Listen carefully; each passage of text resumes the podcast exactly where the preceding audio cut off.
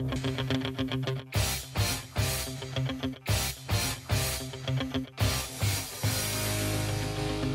сайн байцгаана уу? Манай Data Play podcast-д автаа морил би Оянгайн. Сайн байцгаана уу? Би Эви байна.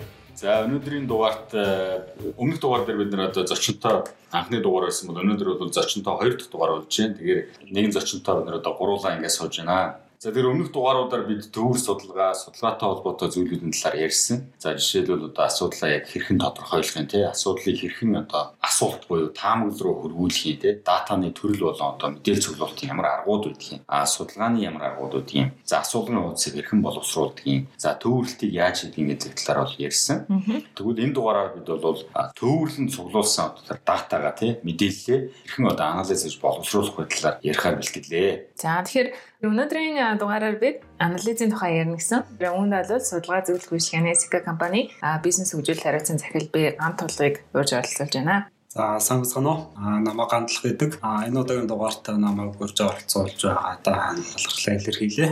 За тэгээд энэ хүрээнд бол хэдүүлээ нээлттэйгээр ер нь бол тийм ярьцлага байдлаар яриа явчихна. Тэгээд ер нь бол эхлээд анализ хийх ямар аргууд байдаг тий? Эсвэл одоо анализийн ямар ангиллууд байдаг талаар хэдүүлээ ярилцъя. Тэр анализыг бол ер нь тоон болон чанарын мэдээлэл дээр үндэслээд ангилж авч үздэг байгаа. А тэгэхээр тус бүрийн онцлогоос хамаарсан ялгаа таарах техникүүд ашигладаг. А өмнөх дугаарууд талууд дээр ярьж байсанчлан ер нь бол тоон болон чанарын судалгааны гол ялгаа нь өөрөө яг мэдээллийн онцлог шинж чанараас хамаарат өөр өөр байдаг. Ер нь одоо товчхон жишээ тодорхойлоод хэлэхэд яг чанарын судалгааны хөвчлэн одоо найруулга текст бүхийдээ аа голчлон харилцан яриан дээр үндэслэдэг илүү хувьчир шалтгааныг тодруулах яагаад гэсэн асуултууд дээр хариулт авах зорилгоор ярьдаг бол тоон судалгаа нь өөрөө тоогоор хэмжигдгүүц хуваар хэмжигдгүүц зэрэг үзүүлэлтүүд асуултууд бол байдаг. Аа тэгэхээр тодорхой тооны одоо тоон судалгаан дээр бол чанарын асуулгууд бол орж ирдэг хаан задгай асуултууд. Аа гэхдээ чанарын судалгаатай харьцуулаад аваад үзэхэд энэ маань өөрөө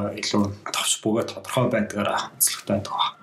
За тэгэхээр одоо яг тоон судалгаан дээр ямар техник анализын одоо аргууд ашигладаг талаар уянга товч тайлбарлах уу? Тэгээ. За тэгэхээр тоон судалгааны хувьд бол бид нэр ярьдаг нөгөө descriptive analysis гэдэг чинь ерөөхдөө тодорхойлох анализыг бид нэр хөвчлэн хийдэг. Тэгээд үүнд болохоор давтамж, домдож, медиан хамгийн их баг утга. За тэгээ нөгөө эзэлж байгаа хувь гих зэрэг үзүүлэлтүүдийг бид нэр хэд тооцоод гаргадаг. Жишээлх юм бол нийт судалгаанд оролцсон хүмүүсийн одоо хүүсийн харьцааг ингээ авч үзээд тэгээ түрүүнийг ингээд давтамжийн тодорхойлж байгаа эслэх хувийг гаргах юм бол энэ маань бол яг энэ descriptive төрлийн анализ гэсэн. За тэгээд үүнээсээ цааш цаад ингээд эргэжтэйчүүдийн дундаж наслалт нь ямар юм те. Тэгээд бүр нэршлээ тооцоод ингээд явах боломжтой гэсэн үг юм. Тэгээд эдгээрийг бид нар бас категорийн үзүүлэлтээр тооцсон авдаг. За категорийн үзүүлэлт гэдэг маань хөвчлэн одоо хүүс ч юм уу тий одоо ажил эрхтлийн байдал боловсролын төвшин гэх мэтлэнгийн одоо тийм утгаараа илэрхийлэх би тоон бос утгаараа илэрхийлж байгаа тийм үзүүлэлтүүдийг бол категорийн үзүүлэлт гэдэг байгаа.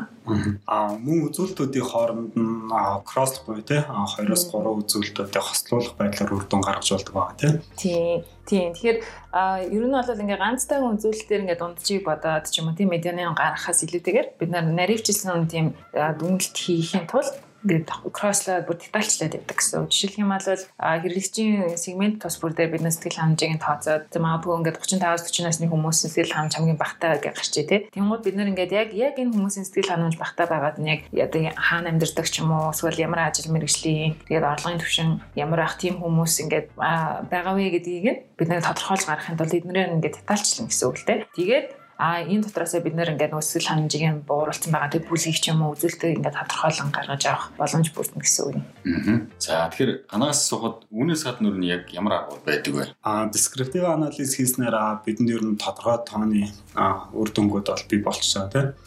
А яг тодорхой тайлбарлах болох үйлдэлүүдийг ингээд тоон утгуудаар илэрхийлээд аа нийт эзлэх хамгийн их тавтагч байгаа утга дундаж үзүүлэлт гэх зэрэг байдлуудаар бол гараад ирж байгаа. А тэгэхээр эдгээр нийт үзүүлэлтүүдээр үндэслээд судлаач өөрөө а хийж болох хамгийн анализуудыг дурдах бол яг ранглах ч юм уу скейл хийх байдлаар бол дүн шийдлэнүүд хийж бололдог.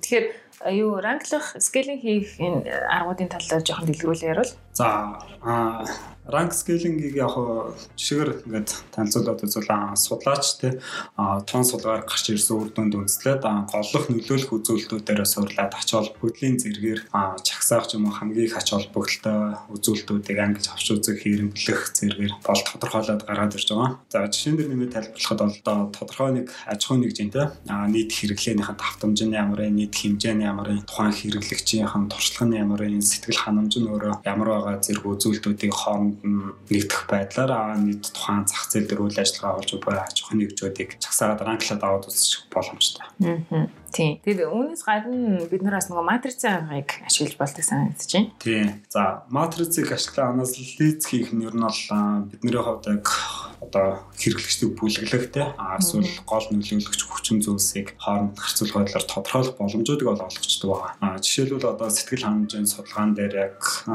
хэрэглэгчийн үнж байдлыг тодорхойлох нь сэтгэл ханамжийг удирдахч хүчин зүйлсийн шинжилгээ зэргүүдийг бол ашиглаад байдаг.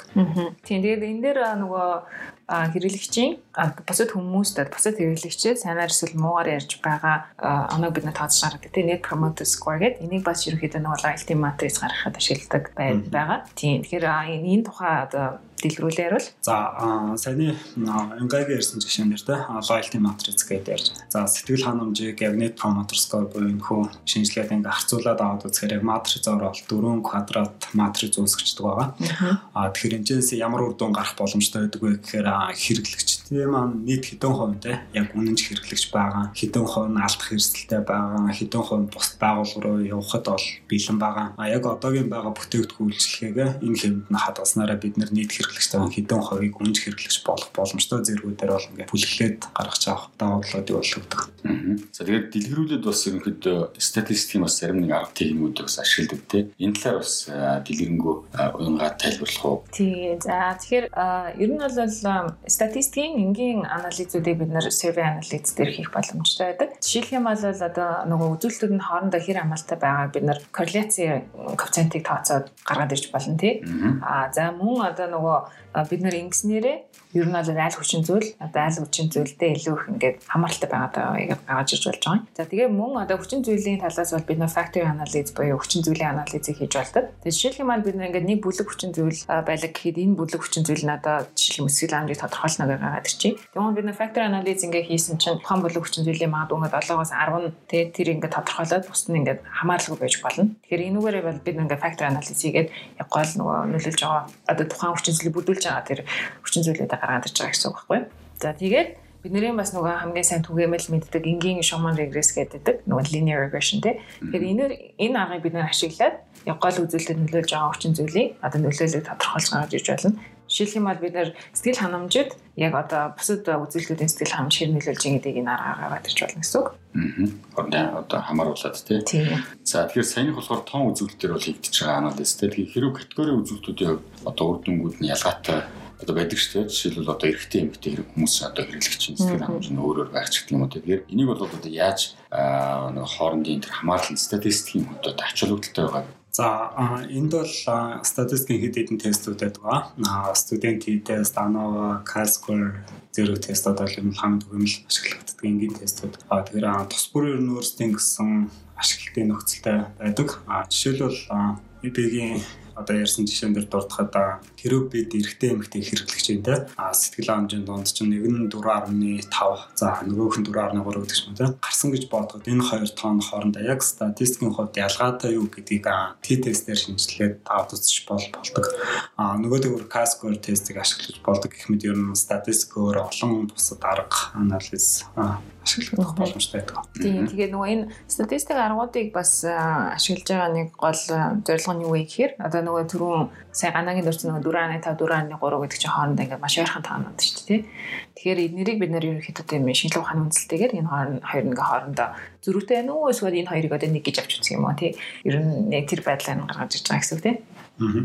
Тийм. Тэгэхээр нэг тоон судалгааны хувьд бол эдгээр аргуудыг ингээд ашиглаж болох нь. Тэгвэл чанарын судалгааны хувьд бол бас гурлаа ярий тий. Тэгэхээр энэ дээр онгаас чанарын судалгааны хувьд одоо ямар анализ аргууд ашигладаг вэ тий? Тэр талаас. Тэрөө нөгөө ганаа хэлсэн шүү дээ. Шанын судалгаа гэдэг маань илүү их нөгөө тестэн дээр тулгуурсан байдаг гэх тээ. Тэгэхээр ер нь бол бид нэр яг нөгөө текстийн анализ гэсэн байхгүй бичиг үсэг дээр тий өгүүлбэрэн дээр дээр. Тийм тэгээд нөгөө таан судалгааны анализээс ялгаатай нь юу вэ гэхээр бид нөгөө ямар нэгэн байдлаар давтамж тоо эсвэл нэг хувьчилсан ч юм уу тий ийм зүйлийг бол нэг их ярьад байдаг.